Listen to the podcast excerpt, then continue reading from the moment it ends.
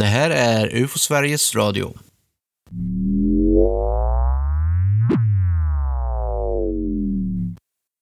Hej och välkomna till UFO Sveriges Radio. Ja, då sitter vi här igen vid mikrofonerna. Jag heter Tobias Lindgren. Och jag heter Johan Gustafsson och ni ska känna er varmt välkomna.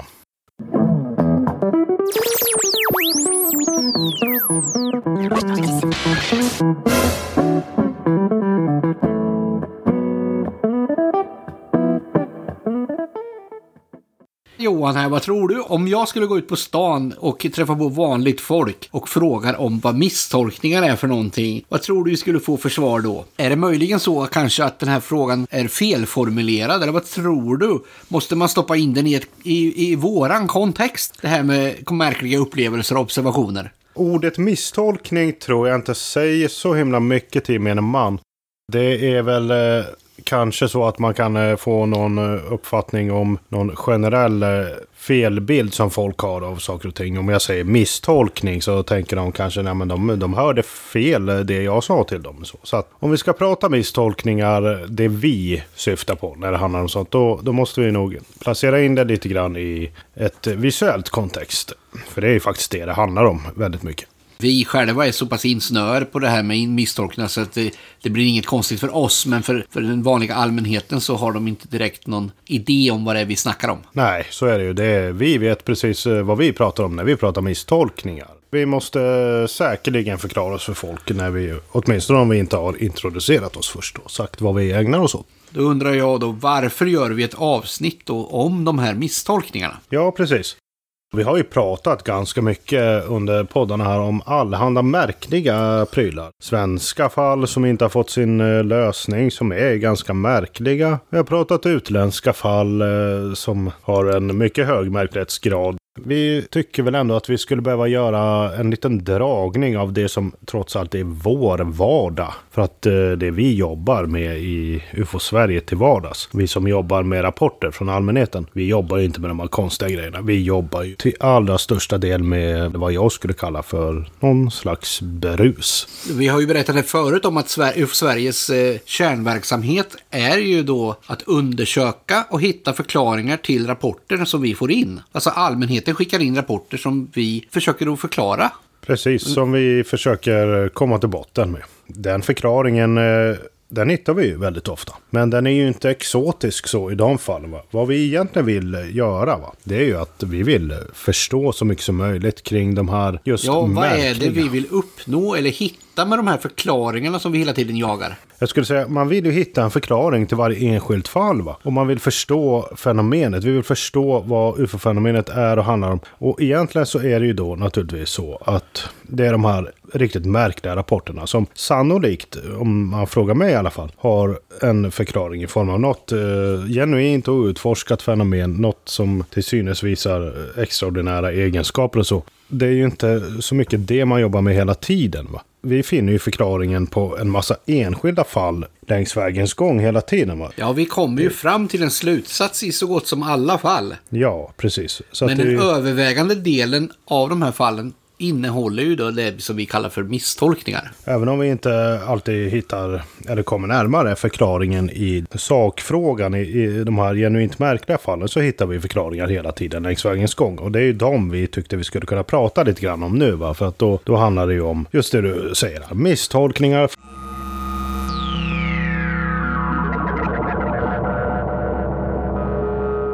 Hur många av de här rapporterna som vi får in innehåller misstolkningar? Jag tänker med någon mer än någon numerär. Ja, det, det varierar ju lite grann men det är en väldigt god majoritet. Jag tror att sen jag gick på Rapportcentralen för pff, vad är det, fem år sedan, någonting sånt, så har det varierat från drygt 80 procent ända upp till 95 procent. Och det är där ibland det brukar ligga. Jag tror att förra året låg Och då menar på... du de som innehåller misstolkningar? Precis, de som eh, innehåller en... Antingen där vi har nått en, eh, en säker förklaring va, om att det är någon form av misstolkning. Eller en trolig förklaring om att det är någon form av misstolkning. Jag tror att vi låg på 90 procent ungefär.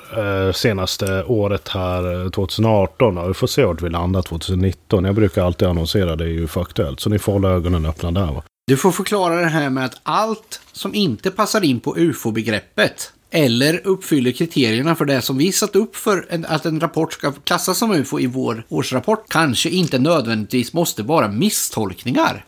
Det finns ju lite kriterier då. Vi, vi jobbar ju med, jag, jag, tror att vi har gått igenom de här beteckningarna som vi har tidigare va. Med UFO och IFO och troligt IFO och IFO står ju för identifierat flygande objekt och och det är där i misstolkningarna hamnar. Där misstolkningarna landar. Va? Sen har vi några andra beteckningar också. Vi kallar saker och ting för, för svårbedömt, för ej bedömbart. Det är ju rapporter då där man, eh, man kan ha en, eh, en observation va? där vi har eh, gjort en hel del undersökningar. Vi har inte funnit någon förklaring. Men vi har inte heller kunnat eh, helt och hållet utesluta förklaringar. Åtminstone inte till den grad som vi skulle vilja göra. Va? Så då kan det vara att man står och, och balanserar lite på linjen. Där, va? Man står och avväger. Nej, vi kan inte säga att det var det. Men vi kan inte heller säga att det inte var det. Om vi tar ett, ett flygplan exempelvis. Och vi kan inte avfärda den heller. Va? Så då, då, hamnar man i det här läget som vi kallar för svårbedömd. Då kategoriseras den som svårbedömd. Va? För att vi kan inte säga något säkert här. Va? Ej bedömbar, eh, den är ju... Jag brukar ofta jämföra den med den amerikanska beteckningen insufficient information. Det vill säga otillräcklig information. Va? Det är väl i princip det det handlar om. Om någon skickar in en rapport till oss där de bara skriver två rader och vi får ingen mer information. Då... Jag menar, det, det finns inte så mycket vi kan göra med någonting sånt. Men det kan också handla om en rapport som har väldigt mycket i sin beskrivning men som inträffade hösten, våren eh, 1966. Det är odaterad och herrans massa år bakåt i tiden. Vi kan inte undersöka den närmare men vi kan dokumentera den. Men är det inte UFO vi vill undersöka, inte misstolkningar? Varför måste vi ta hand om alla dessa misstolkningar också då? Nej, men det är ju så att vi väljer ju inte det här själva va, på det viset, utan vi måste ju ta emot allting naturligtvis. Vi är ju intresserade av att få in de här märkliga rapporterna, de som kan bidra för, i sakfrågan. För att få in dem så måste vi ta in allting. Så att vi måste ju hålla dörrarna vidöppna och låta folk rapportera allt mellan himmel och jord. När man gör det, då kommer det in en massa grejer som eh, är helt ordinära. Va? Har sin enkla förklaring i vardagliga fenomen. Misstolkningar.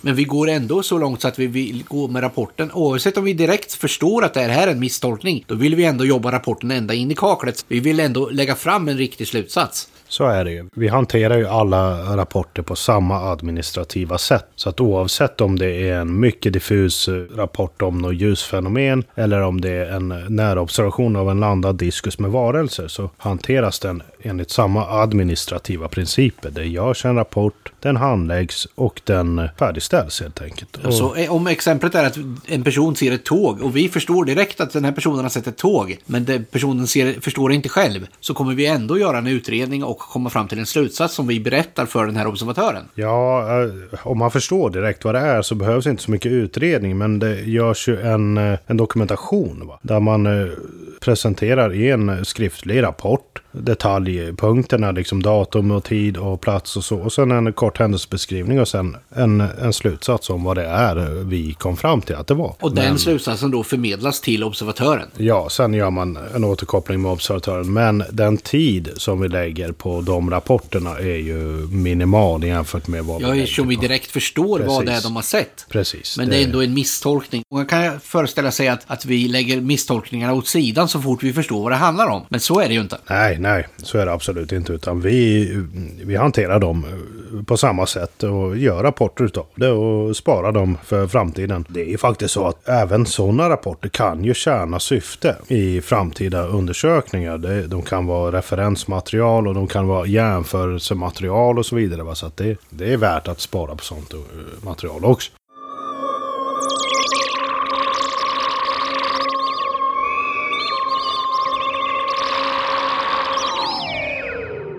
Eh, vi har varit inne på det förut att vissa yrken eller utbildningsnivå skulle ha någonting att göra med hur man misstolkar företeelser. Exemplet är väl det att vissa tror sig kunna förstå hur flygplan ser ut hur som helst och var som helst och när som helst. Ja, för att ta ett exempel. Eh, jo, men så är det. Det kommer folk att stöta på lite här och där. Ifall de exempelvis går och tittar på lite amerikanska ufo-dokumentärer på YouTube så kan man höra talas om det här som heter, eh, vad kallar de det? Trained Observers. Det handlar ju om då att man menar att vissa yrkeskategorier är bättre på att eh, se eh, vad som är rätt och vad som är fel och så vidare. Eh, så är det ju naturligtvis inte. Det har vi pratat om förr. Som sagt, alla yrkeskategorier har samma mänskliga perceptionssystem som det heter, som vem som helst annars. Det vill säga de tolkar saker och ting, eh, i, eller deras hjärnor tolkar saker och ting på samma sätt som, som alla andra. Det jag vill få fram är väl lite att alla gör misstolkningar och att det inte egentligen har med individen i sig att göra. Snarare hur människan är funtad och konstruerad som biologisk varelse. Ja, Ja, men det är precis så det är naturligtvis. Vi har ett, ett neurologiskt eh, system va, där saker och ting, information i vår omgivning når våra sinnesorgan på samma sätt. Det går till på samma sätt hos en... En nobelpristagare som en smed. Ja, utan det, det går ju likadant till hos alla.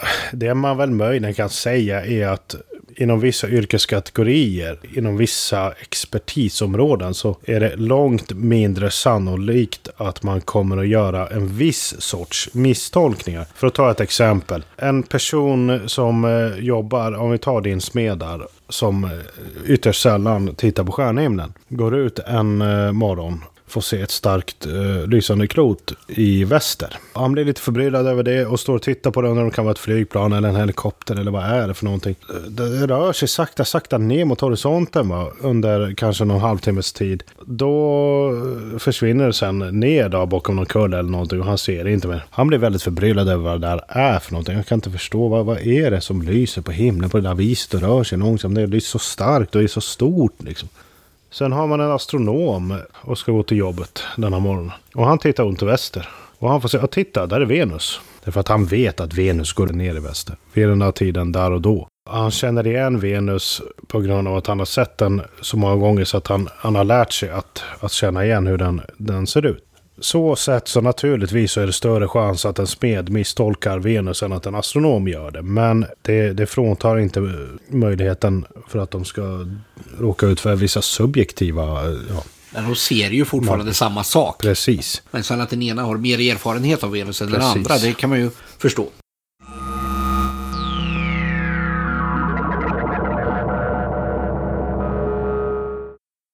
Vi tar väl och berättar om några exempel på det här med misstolkningar. Min tanke är att vi drar igenom beskrivningen som vi har fått in den och eh, låter eh, lyssnarna här fundera på vad det är de, har, vad det är de berättar om. För vi, alla förstår ju nu att det är misstolkningar vi pratar om. Eh, så lyssnarna kan fundera en liten stund över vad våra undersökningar kommer fram till. Nej, men det är viktigt att vi, vi går igenom lite exempel här tycker vi. För att det, det är alltid intressant för folk att få se vad folk kan ta fel på också. Och hur de här eh, exemplen låter. Precis, hur de beskrivs i sin faktiska inrapportering.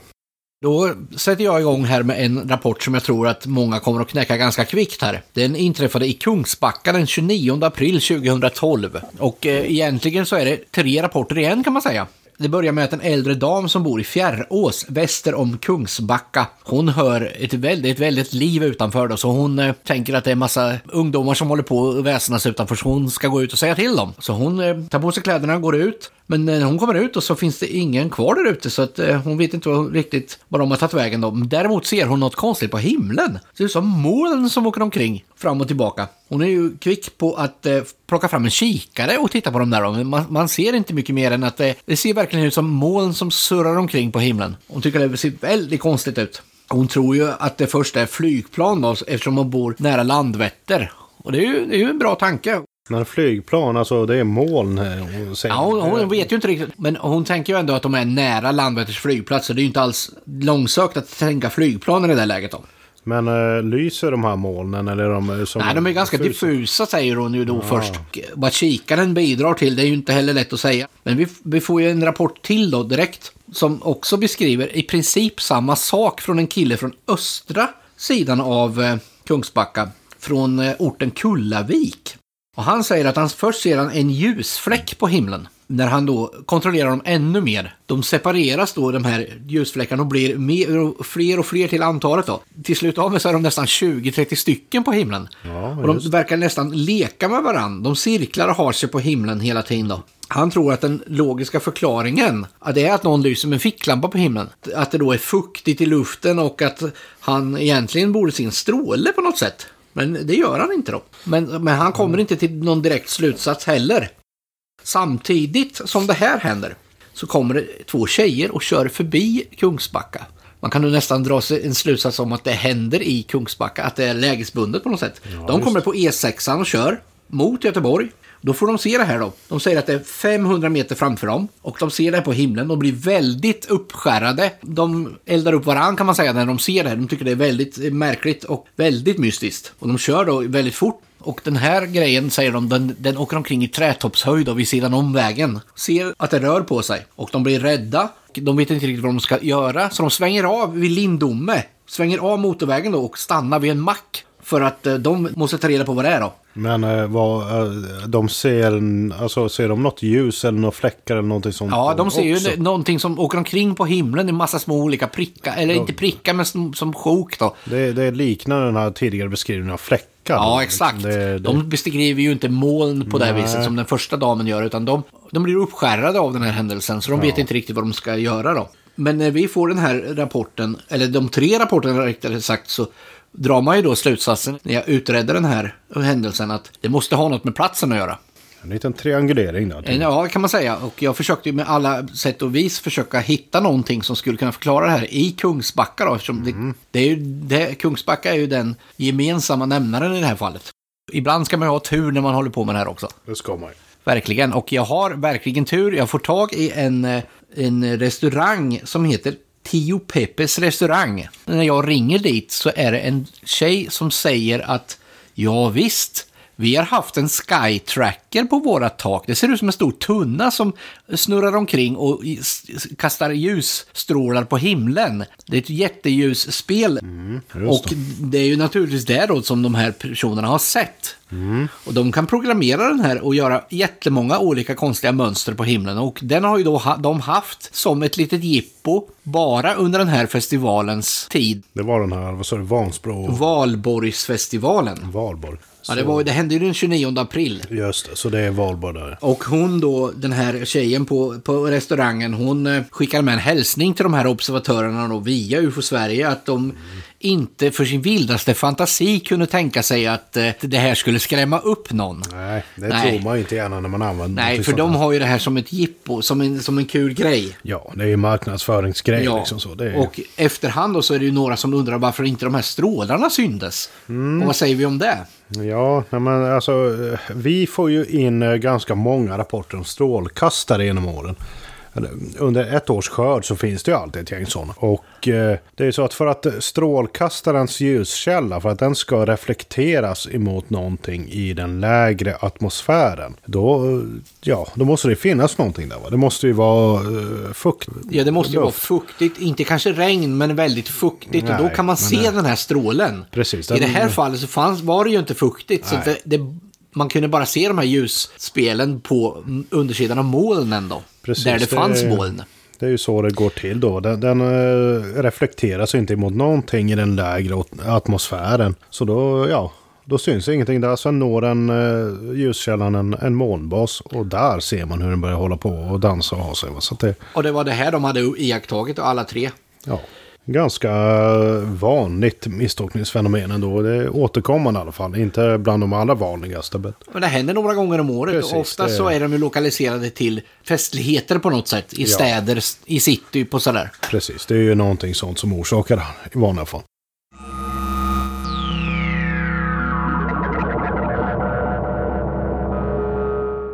Ska vi förflytta oss eh, en bit, en bra bit norrut då, till eh, Sunne i Värmland. Och det här var ju den eh, 10 februari 2016 då. Det är mellan 22 och 23 tiden på kvällen ungefär där. Det är så att eh, det är en person som då står i, i bostaden. Hon är hemma i bostaden och tittar ut över en sjö. Sjön heter Visten. Då ser den här personen först vad hon eh, tror är ett flygplan då se något så här ljusstarkt på, på avstånd, va, som hon uppfattar. Jag kunde se blinkande rött och blått. Hon står och tittar på det här en stund och tycker det är lite konstigt för att det rör sig inte så mycket. Va? Det, det är ganska stationärt där borta. Kanske en helikopter liksom funderar personer på. De är, hänger ju i luften en stund så hon eh, försöker bena ut lite grann vad det här kan vara. Titta på, det finns ju ett program som heter Flight Radar 24. Man tar upp en app där va? och försöker bena ut lite. Nej, nej hittar ingenting. Så. Men det är mörkt, det är kväll, det är natt. Det är ju kväll där. Det är februari mellan 22 och 23. Då är det ju väldigt mörkt. Särskilt Sunne. Det är ju... Det är ute på landet ja, alltså. Det, det är, det är, det är landet, alltså. sannolikt väldigt mörkt. Ja, vad gör hon då? Hon går och hämtar kikaren. Det är ett ganska återkommande verktyg för oss. Vi får alltid in rapporter varje år om just det också. Att gå eh, in och hämta kikaren och titta och så. Det är när man ser någonting under lite längre tid. Jag står hon och tittar i kikaren där och så det, det blinkar ju fortfarande starkt och det är olika färger. Det är lite rött och det är blått och grönt och orange och allting där till. Så ja, hon eh, förstår ju fortfarande inte vad det här eh, är för någonting riktigt. Utan hon men hon är ensam hela tiden? Ja, eh, delvis. Men sen kommer hennes man också. Så då börjar de eh, titta på det här föremålet bägge två. Han blir ju inte heller mycket klokare på vad det här kan vara för någonting. När, när de står och tittar på det här, de eh, turas ju om där. Vad ger kikaren till varandra? Den ena tittar med blotta ögat, den andra tittar... Vad ger det något? Förstår de mer när de tittar i kikaren? Ja, alltså de tycker sig se lite grann genom kikaren. Då.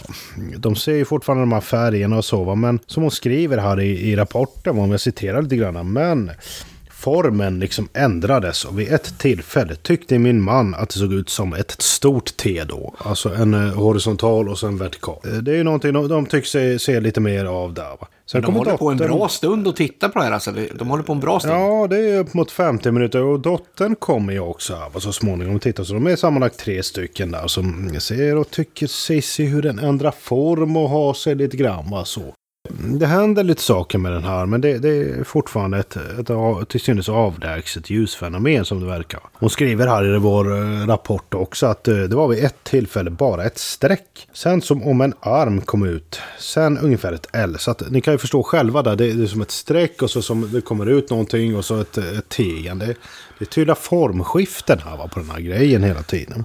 Men det här som de sa i början, att det, att det ser ut som det kom emot dem, det har de mm. kommit över nu. Det kommer inte längre, det kommer ja. inte emot dem om de står och tittar så länge. Nej, precis. Den kommer ju inte fram i alla fall. Det är, så mycket kan vi säga. De står kvar där i alla fall ett tag. Starkt lysande fortsätter blinka liksom så. Och sen så börjar den ju... Den, den, den rör sig sakta då västerut. Va? Det, det är ändå en, en ganska så typisk rapport av ett visst slag där skulle jag säga. Det... Men de gör ingenting. De sticker inte ut och försöker att kolla ut eller något sånt där. Nej, nej. Utan de står kvar och observerar här inifrån lägenheten eller bostaden. Sen så började vi kika lite grann på det här. Man, man får ju vissa intryck här utav det de beskriver. Det är ett uh, ljusfenomen, diffust uh, färgskiftande. Med diffus menar jag ganska så här litet avlägset. Min spontana reaktion är ju att den här långa, långa observationstiden säger, så, säger någonting. Den om inte annat är ju lite talande, vad kan jag tycka. I närmare en timme står de och tittar på det här. Och det rör sig ju också västerut. Det är ju inte helt uh, orelevant i sammanhanget. För vad är det som rör sig västerut? Det är ju faktiskt stjärnhimlen rör sig västerut. På grund av att jorden roterar motsatt riktning så måste allting röra sig åt väster. Då kan man också, då också förstå att uh, himlen är stjärnklar kanske? Ja, det händer ju lite saker med den här eh, ljuspunkten också. För att den liksom diffar ner lite grann i ljusstyrka. Så. Så att eh, eventuellt så tänker jag mig att det också kan ha funnits moln på himlen här va, som eh, är lite svåra att se när det är mörkt. Va? Det är Men som lite... täcker den här emellanåt? Ja, lite grann så. Men så kommer det emellan så. För eh, vi har ju undersökt den här närmare och kontrollerat. Och eh, anser oss ändå ha kommit fram till den allra mest sannolika, ja, specifika felkällan Hall. Det, det, det, är ju så att det, det finns ju flera ljusstarka himlakroppar i den här riktningen. Men det de beskriver är ju sådana tydliga ljusskiftningar. Va? Så att eh, av allt att döma så är det ju stjärnan Sirius som de har sett här. Det är inte många stjärnor som är så karaktäristiska som just Sirius. Nej, den har ju sin karaktär där med att den diffar mellan blått och grönt och rött och allt där till. Det är lite intressant i det här sammanhanget är de här formskiftena. För att det är ju faktiskt så att tar man upp en kikare och tittar på en stjärna så kommer man inte bli klokare på vad det är man ser. För att en stjärna den ser ju precis eh, likadan ut ska jag inte säga, men den är ju bara uppförstorad. när man tittar på den i en kikare. Den kan ju aldrig ge någon information om, om stjärnan i sig. Va? Så att eh, då börjar man eh, förvränga föremålet istället. Det är ju det som händer va? när man tittar på någonting eh, i en kikare som är så himla långt bort. Så att det är det de beskriver här och det är väl någonting jag kanske skulle uppmana observatörer att vara lite varsamma med ifall de använder kikare. Gör gärna det. Men ta inte allt ni ser i kikaren för givet. För det kan ju vara sånt här som händer just på grund av kikaren också. Och på grund av vår belägenhet på planeten jorden, alltså i Sverige, så har ju Sirius en väldigt låg vinkel. Den syns väldigt lågt hela tiden och det gör då också att jordatmosfären spelar en viss roll i det här fallet. Ja, nej men det, det, det bryts ju ljuset ifrån Sirius. Va? Så att den, den börjar ju blinka på alla de här sätten och skiftar färger och har sig. Va? Så att det, det är ju för att ljuset måste färdas en, en längre sträcka genom, genom atmosfären. Det du just beskriver nu är ju det som kallas för scintillation inom astronomin. Ja, och det är ju det som, som då beskrivs som gnistrande, tindrande, blixtrande. Mm. Och just Sirius är ju ett ypperligt exempel på just det här med scintillation. Absolut tydligaste vi har på norra halvklotet. Och det är ju inte, det är ju inte sällan vi får bilder där folk har skickat in små maskar på himlen som just beror på den här scintillationen. Där, där också även exponeringen har betydelse där. Då ser man ju då färg, färgförändringar och förskjutningar och så vidare. Då man kan också förstå det här, att de beskriver de här lustiga bokstäverna de ser och sådär. Mm.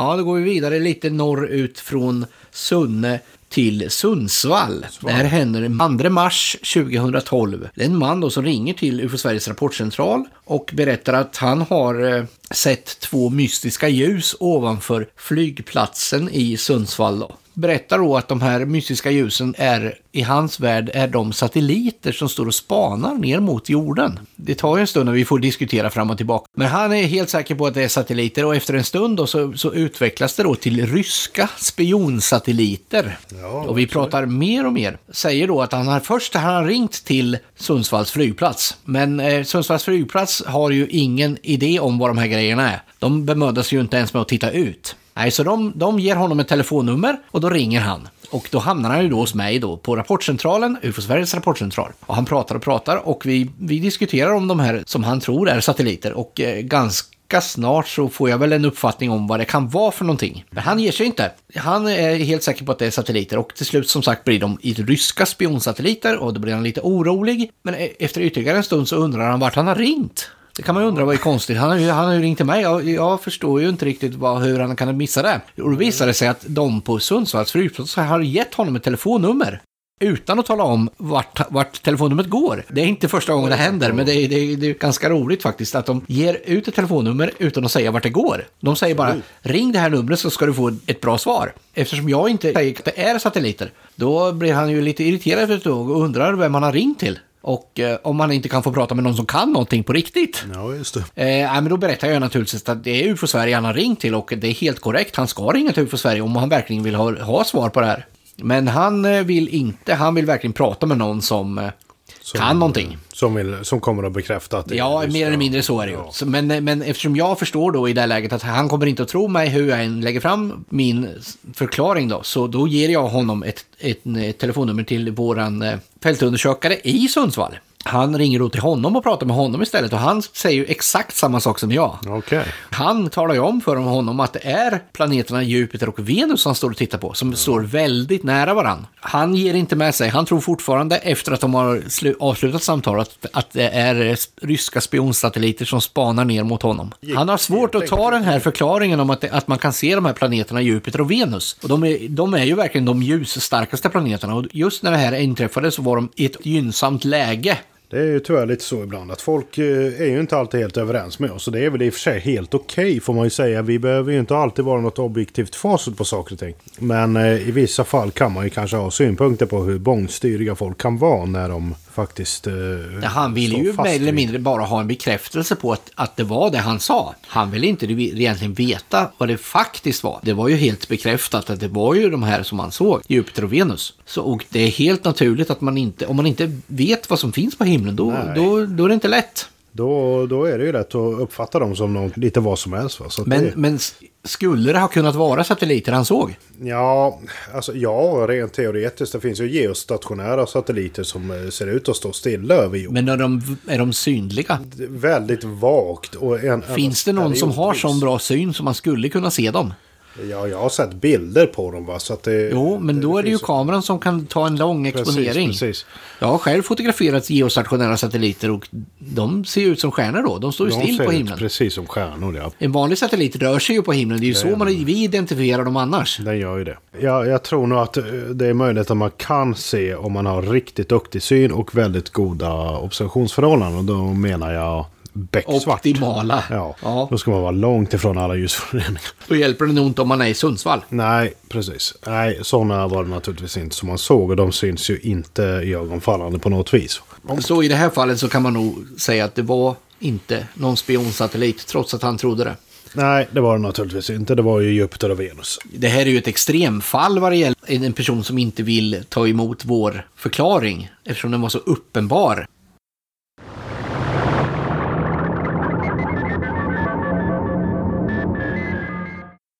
Nu får du dra till med någon smaskig misstolkning här som gör att folk blir fundersamma. Ja, tänkte vi skulle ta en lite mer färskare grej. Adelsö inträffade det här på. Det, är en eh, ö som ligger ute i Mälaren då, strax eh, väster om, om Stockholm. Och det var den 2 eh, december. Det var ganska tidigt på morgonen. Den här mannen då, han hade ju...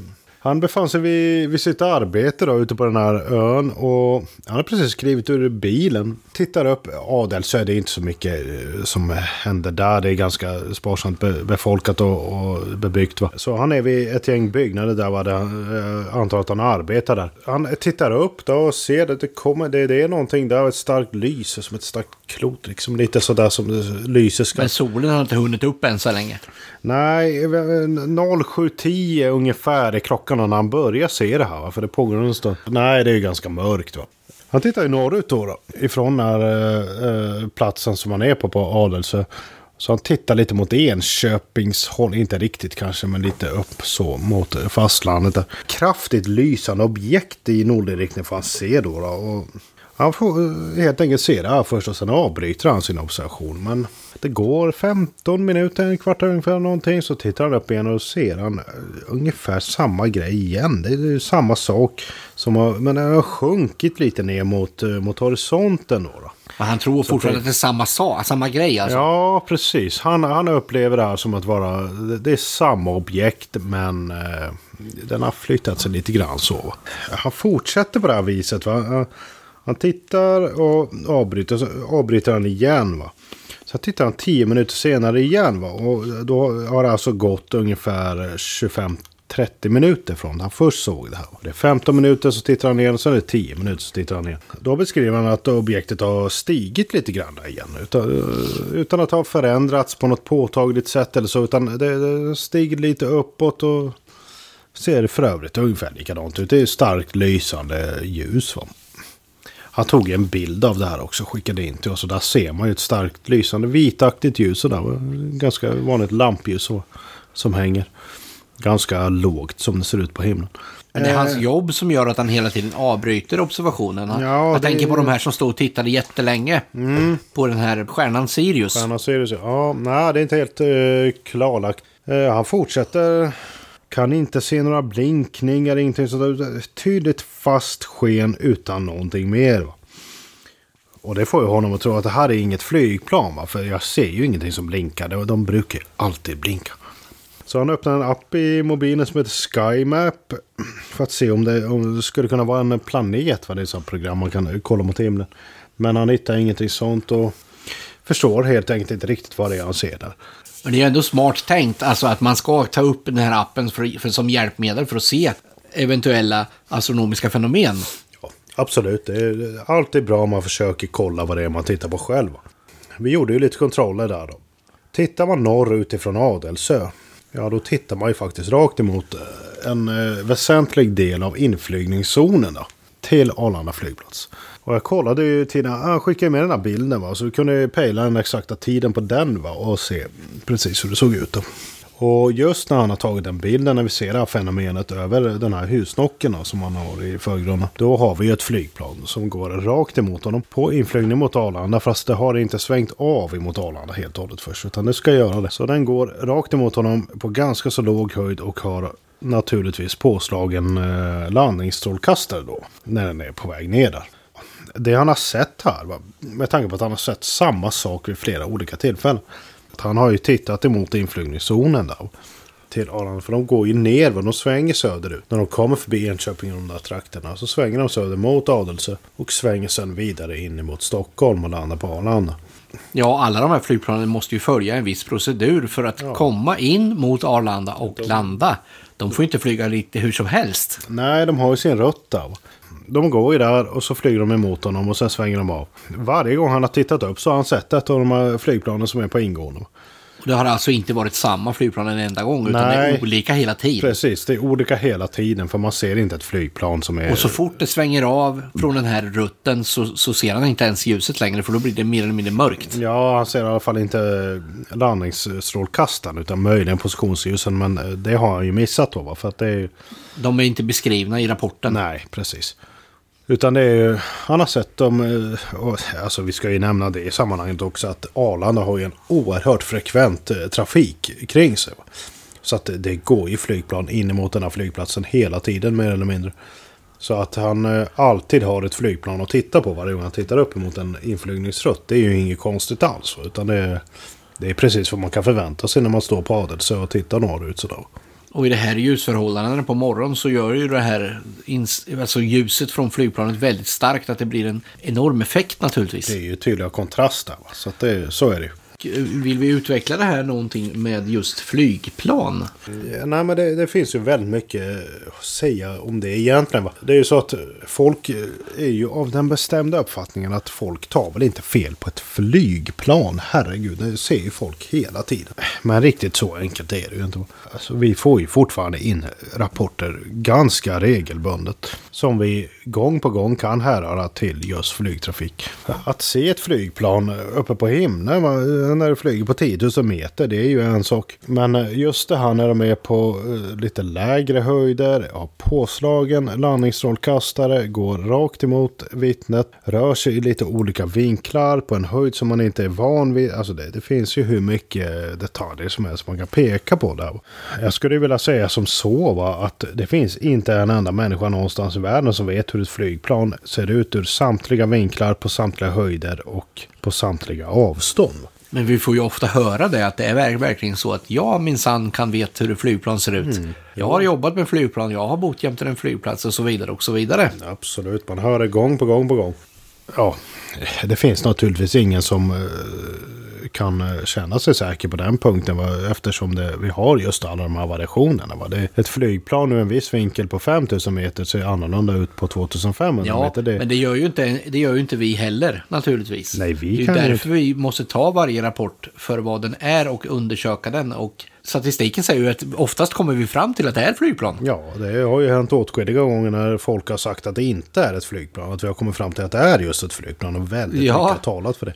Jo, men är inte just flygplan det mest frekventa som vi har i våra rapportskörder? Ja, det är ett av de mer frekventa i alla fall. Jag kan inte svara på rakan vad som... Förr var det ju väldigt mycket ufo-ballonger och det har varit saker genom åren som har varit mer frekventa. Men det har, allt har sin tid. Men flygplan är ganska konstant. De är konstanta. Så de Det är ett ge upp. väldigt vanligt misstolkningsfenomen. Ja, och det kommer ju fortsätta komma in. Va? Det, Och alla ser fel på dem, förr eller senare. Ja, så är det ju.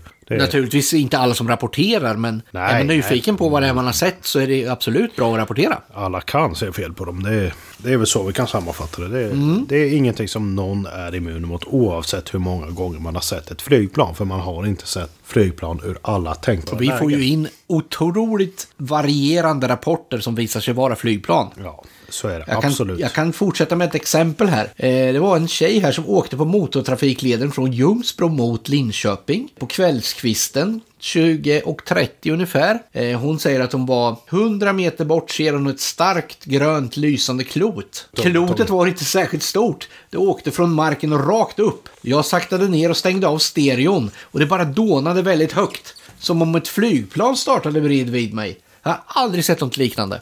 Om det låter som ett flygplan, nej men då är det inget flygplan. Hon trodde att det var något helt annat. Men vi undersökte ju den här saken ganska bra. Vi hörde av oss till eh, Först kollar man på kartan. Jag gillar ju alltid att kolla på kartan. Jo, Visar det- sig att det, det var inte många hundra meter bort till eh, den här flygplatsen som heter Malmen utanför Linköping. Exakt på sekunden startar ett sånt här spetsigt flygplan som vi kallar för Gripen. Det är klart att det är ljudet hon hör. Och, det, Och då kan man ju då undra vad det här gröna är hon ser. Men det är klart att det är det flygplanet. Det finns, det finns ju ingen annan förklaring än så. Men hon tolkar det som något helt annat. Det kan ju kanske vara nyansen där va, som får henne att känna att det inte är, att det är mer konstant grönt ljus. För det, det är ju inte hur man vanligtvis uppfattar ett flygplan. Det är ju de här röda, gröna... eh, rö- Men det kan ju, röda- hon kan ju röda ha sett utblåset eller vad som helst. Nej, men det är grö- alltså man kan ju säga som så också att flygplan har ju en viss eh, konfiguration av lampor. Och eh, det har ju jag fått bekräftat både flygskolledare och genom egna observationer att ett flygplan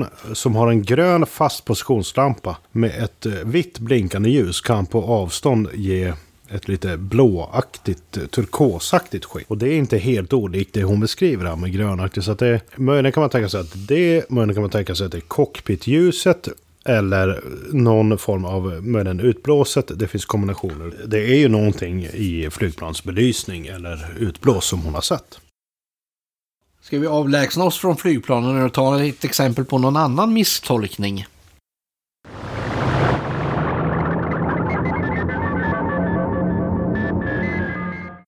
Nästa exempel på misstolkning ska vi säga händer då Djurås. Vet du var det ligger? Nej. Det Ja, vet ju nog. inte jag heller, så det är ju väldigt bra att vi har ett rapportexempel där vi inte vet var vi befinner oss. Men i alla fall, det är inte det som är viktigt, utan det hände den 3 augusti 2012. Klockan är halv elva på förmiddagen. Och då har vi en man då som, ja, han tittar ut genom fönstret för att kolla om det regnar ute. Och då tittar han ut över grannens hustag och då ser han, han ser att det inte regnar utan det är helt klart. Men han ser något annat som förbryllar honom väldigt mycket då. Någonting står ovanför grannens hustak och hovrar, säger han. Det är likt en helikopter, men det verkar vara mindre. Och han vet inte riktigt vad han ska tro av. Det, det förflyttar sig i höjd och i sidled. Han ropar till sin fru då att springa och hämta kikaren. Men eh, kikaren bidrar inte till något speciellt mycket. Däremot springer han och hämtar kameran, tar en bild, försöker filma. Däremot hinner han inte filma då, för det här föremålet, det trillar ner helt plötsligt. Ta, det verkar som att det tappar förmågan att flyga och bara faller ner. Alltså trillar ner. Det är inte att den landar. utan nej, det, det, han säger att, då, att det, det för- förlorar flygförmågan och trillar ner. Alltså han ser ju inte att det störtar utan det försvinner ju bakom då husen framför och, och Okej. vegetationen. Då. Så han eh, vet inte riktigt vad som händer så han springer ut på eh, uteplatsen för att försöka få syn, syn på den igen. Men då, då slår han huvudet i en ampel, en någon sorts blomma som hänger där. Och i tumultet då så, så tappar han bort hela, så att han får inte någon mer syn på den här grejen.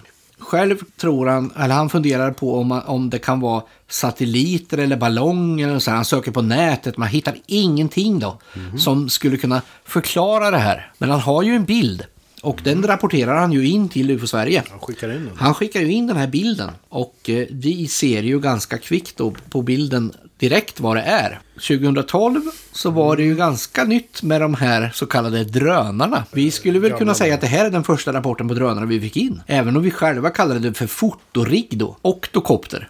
Det är en jättestor drönare med en stor kamera under med åtta propellrar. Idag är de här quadrocoprarna mera vanliga, det är alltså små drönare, mera leks... Det här verkar ju vara någon sorts eh, yrkesfunktionsmojäng då som det hänger en riktig kamera under. Med någon flygfotoavseende. och- Ja, exakt. De har hängt en riktig kamera under och det behöver vara en stor grej då för att orka lyfta den här kameran. Ja, just det. Och den har då varit och filmat hos hans granne bara och det är den han har sett. Vad var det som gjorde att vi fick klarhet i den här?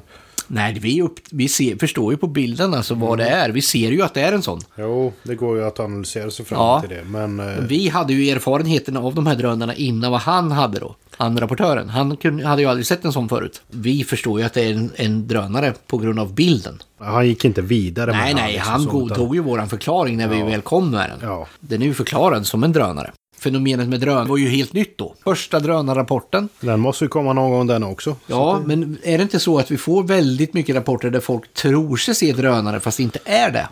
Alltså idag är det ju så att det har gått lite motsatt riktning så att nu är det helt plötsligt så att allting är drönare när folk ser någonting. Det är, vad såg jag? Äh, men det måste vara en drönare. Vad var det den såg? Nej, men det är väl en drönare. Det är liksom drönare på drönare på drönare. Ja, riktigt så enkelt är det inte. De här drönarna är fortfarande lite svåra att se va. För att de är på låg höjd, de syns inte över några stora områden och de håller sig väldigt lokalt. De rör sig inte över några stora horisontella områden heller. Så att det, de förekommer men inte mer skulle jag säga. Det är fortfarande så att flygplanen banne är vanligare än vad drönarna är skulle jag påstå. Men folk som rapporterar till oss vill gärna att det ska vara drönare. de det- tror sig se drönare och då vill de gärna skicka med en förklaring. Ja, det är deras tanke liksom. Det är dit tankarna går nu för tiden. Att, men vad är, det? är det inte en drönare? Kunde det inte vara en drönare? Det är, Ja. Men ofta så är det ju inte det faktiskt. För de är inte överrepresenterade i, i rapportskörden.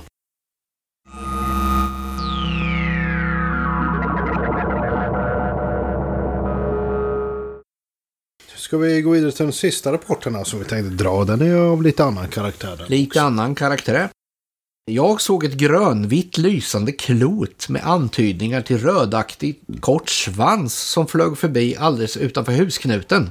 Det korsade gatan där jag gick och jag såg endast i en sekund innan den försvann över taket. Den flög relativt högt och hastigt, lite som en helikopter. Men det lät ingenting.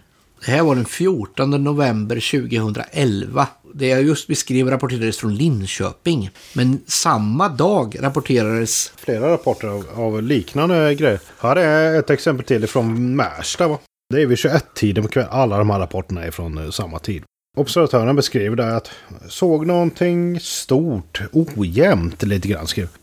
Lite kantigt, eh, klotaktigt som ändrade sig färg och från blått till rött till gult. Lite så det är skiftande färger så. Liknande en stor komet skrev så. Så full i en sned bana nedåt. Aldrig sett något så stort som faller från himlen. Samtidigt då i Hökerum så är det någon som beskriver att objektet var ganska stort och det föll med cirka 45 graders vinkel. Jag uppskattar att objektet hade en ganska exakt nordlig kurs. Jag kunde inte se någon svans och inte om det bestod av flera kroppar. Och det verkade nästan som att det föll ner och det lyser starkt. Objektet försvann bakom ett hustak, kanske inom 10 mils avstånd. Jag rusade ut så fort jag kunde för att lyssna och se bättre, men objektet var redan borta. Nästan så att jag ville åka ut och leta efter objektet på en gång. Ja, det är någonting man hör ibland i sådana fall att de, de vill åka ut och leta. Och här har vi då från Dalsjöfors då, Smedsås. Och eh, fortfarande vid 21-tiden på kvällen eh, beskriver observatören ett stort eldklot i storlek av månen. Som flög nära månen också. Det var bara en, mm, eh, ja, det var en bra måttstock så. Det observatören understryker där. Och det såg ut att falla ner från cirka 60 graders vinkel till ja, noll på cirka två sekunder. Det föll från eh, nordöst ner till norr då. Så lite förändrad obsriktning där var observationsriktning. Den hade en klart vit lysande kärna och gick mot gult och eventuellt rött i svansen. Svansen var kort och trubbig skriver observatören och den lös upp skogen också. Frun eh, såg eh, föremål från bilen, skrev den här personen också, 150 meter därifrån och körde nästan i diket.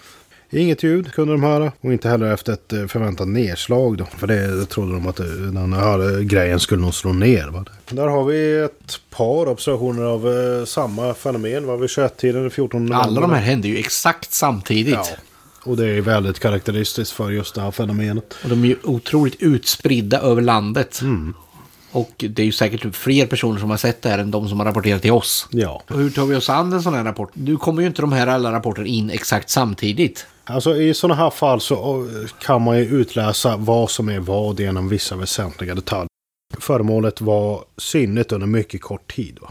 Och det är väldigt visuellt. Ja, väldigt, Otroligt ljusstarkt. Det kastar skuggor på marken och det lyser upp. Mycket ögonfallande, mycket påtagligt. Kort observationstid, mycket ljusstarkt och inte minst synligt över väldigt stora områden. Och det då säger ju också att det är väldigt många observatörer. Och när det är synligt över ett väldigt stort område så kan man dra slutsatsen att det måste vara väldigt högt upp i atmosfären. Och väldigt högt upp i atmosfären och mycket ljusstarkt och rör sig under väldigt kort tid med mycket hög hastighet. Ja, då är man snart i hamn där. Det som de har sett här är ju en väldigt ljusstark meteor. Då. Det är en så kallad bolid. Det är vad man kallar meteorerna när de är av det här allra påtagligaste och ljusstarkaste slaget. En stor rymdsten som förångas i atmosfären på kanske 100-50 kilometers höjd. I vissa fall kan de ju till och med hålla en bo ända ner till marken. De kan hålla på ner till marken men de eh, slocknar ju dessförinnan. Ja. Det, och då kallas de ju meteoriter. Det som de ser är ju när det här ger ifrån sig så väldigt mycket ljus i själva inbromsningsögonblicket ja. när det ljus, den här fastnar, eller vad ska man säga, den friktionen av atmosfären gör att den förångas. Ja, precis. Den förångas i atmosfären och... och då blir det ett extremt ljussken som inte sällan upplevs som grönt. Nej, precis. Även om det de facto inte är grönt. Nej, inte nödvändigtvis i alla fall. De kan ju lysa i viss grönaktig nyans som består av koppar eller någonting sånt där. Va? Men eh, det kan ju vara en illusion i ögat också som skapar det där gröna ljuset. En annan illusion är ju den också att oftast beskrivs som att det trillar ner bakom huset eller ja. hos grannen eller bara en bit bort. Att man gärna vill, åh jag vill ta bilen och åka och kolla. Ja, nej, men vi hörde jag vill åka och leta efter den. Det är inte alls ovanligt i de här fallen. Men det är ju någonting jag bestämt skulle avråda ifrån för ni kommer inte att hitta föremålet ifall ni ger er ut och letar efter en sån här grej. Mycket hög höjd är de ju som sagt på och försvinner de då bakom en skogslinje så är de inte i närheten av, för att, av observationsplatsen för att då är de så himla långt bort. Nej, det är ju ljusstyrkan som gör den här illusionen av att den är mycket närmare. Ja, precis. Det är, ska man se någonting, om man tänker sig att man har en, ett föremål på säg 50 000 meters höjd och den försvinner bakom en skogskant som är ja, på säg 50 meters avstånd med normala höga träd. Då, då har man en ganska låg höjdvinkel på det. Och för att någonting på 50 000 meters höjd ska ha en låg höjdvinkel så måste det befinna sig väldigt långt bort. Så då kommer man inte ha en chans att hitta ett eventuellt nedslaget eh, föremål. Så det är bara att avråda ifrån, tyvärr. Jag har ju faktiskt ett exempel på det jag själv har sett. Man ska ju, man ska ju säga det att man ska ha en jävla tur för att se en sån här bolid. För det är, ju, det är ju ett spontant fenomen som man inte kan förutspå. Nej, det, det, stämmer. I mitt exempel såg jag den här boliden och inte alls för många minuter efteråt så ringer en person och vill rapportera en händelse som också visar sig vara samma bolid, samma händelse. Vilket man då kunde förstå på grund av att det hände exakt samtidigt. Mm. Jag befinner mig i Östergötland, den här observatören befinner sig ute i Stockholms skärgård. Ja, det är inte så långt i astronomiska mått. Nej, men det är ju väldigt, väldigt tur då att, att jag kan direkt förstå och förklara mm, att absolut. vi har sett samma sak. Absolut. Det är en förmån man skulle vilja ha ofta. ja, verkligen. Jag har haft det någon gång också, men vi, vi har ju i regel inte eh, den erfarenheten som vi kan reflektera direkt tillbaka till observation. Nej, på det rekommendationen är väl att man ska vara utomhus och titta mycket uppåt. Ja. Då är ju, ökar ju chanserna betydligt för att få se sådana här saker. Ja, absolut.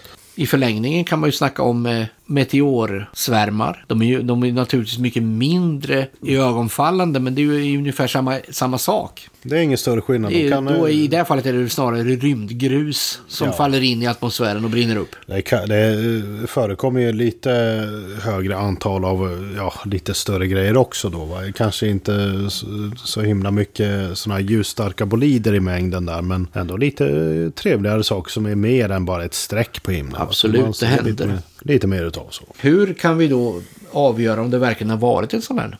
Det har ju varit väldigt svårt under många år. Idag kan man ju göra det. Eh, det finns ju ett uh, All Sky-kameranätverk som uh, administreras och underhålls av uh, Uppsala universitet. Då. Och det är alltså ett, ett, antal kameror som är utplacerade på ja. strategiska ställen som filmar hela himlen konstant. Ja, det är sådana väldigt vidvinklade kameror som tar mycket bred bild av himlavalvet. Och de finns i Sverige, de finns i Norge, de finns i Danmark, de finns i Finland. och de finns i andra länder också i Europa. Man försöker ju täcka så stor del av himlen som möjligt helt enkelt. Och det gör man för att just fånga meteorer, bolider på bild och film. För att kunna kartlägga det här och kunna studera och undersöka och forska kring eh, meteorer närmare. Och vi har ju goda kontakter med dem. Och det finns ju mycket offentligt publicerat där också. Så man kan gå in och kolla på. Eh, se så att det... Man kan få ut väldigt mycket information om det här. Man ser vilka mm. vinklar de kommer in och hur. Och hur fort de flyger och var de är. Och... Absolut, man ser uh, vilken riktning har kommit från, vilken höjd den har startat på, vilken höjd den har upphört på. I vissa fall gör man det. Ja, och i förlängning kan man då även räkna ut ifall den då till och med trillar ner på marken. Ja, ja Eller i havet. Det har de ju gjort flera gånger i det här nätverket. De har kunnat ringa in en potentiell nedslagsplats. Tyvärr så har ju den hamnat ute i havet några gånger. Så att det är inte så lönt att ge sig ut och leta. Men... Nej, det är ju många hundra ton som trillar ner på jorden varenda dag. Så är det ju. De går att åtminstone försöka, försöka kontrollera idag. Man kan inte kontrollera dem till 100%. Det här systemet har också sina brister. Va? Men de här Men, eh, bolidernas karaktäristik, de är ju, det är väldigt tydlig så det gör det ju enkelt att förstå för oss som ska förklara rapporten som beskriver det här. Det gör det ju inte sämre att man får in ett dussin rapporter på samma grej så känner vi oss nöjda med det här eh, lilla rapportutbudet som presentation av... Eh, det tycker jag. jag. jag. förstår nog att det finns all anledning att återkomma till misstolkningar framöver. Det finns ju många olika sorters misstolkningar som vi inte har gått igenom idag. Absolut. Det... Men eh, det finns ju då material till framtida avsnitt. Frågor, feedback och önskemål vet ni att ni skickar till info.ufo.se. UFO Sveriges Radio hittar ni när poddar finns UFO Sveriges Radio görs av Riksorganisationen UFO Sverige. UFO Sverige tackar alla för att ni gillar det vi gör och önskar er en väldigt god jul. Vi säger väl tack och adjö för idag. Det gör vi. Tack så mycket. Adjö. Hej då.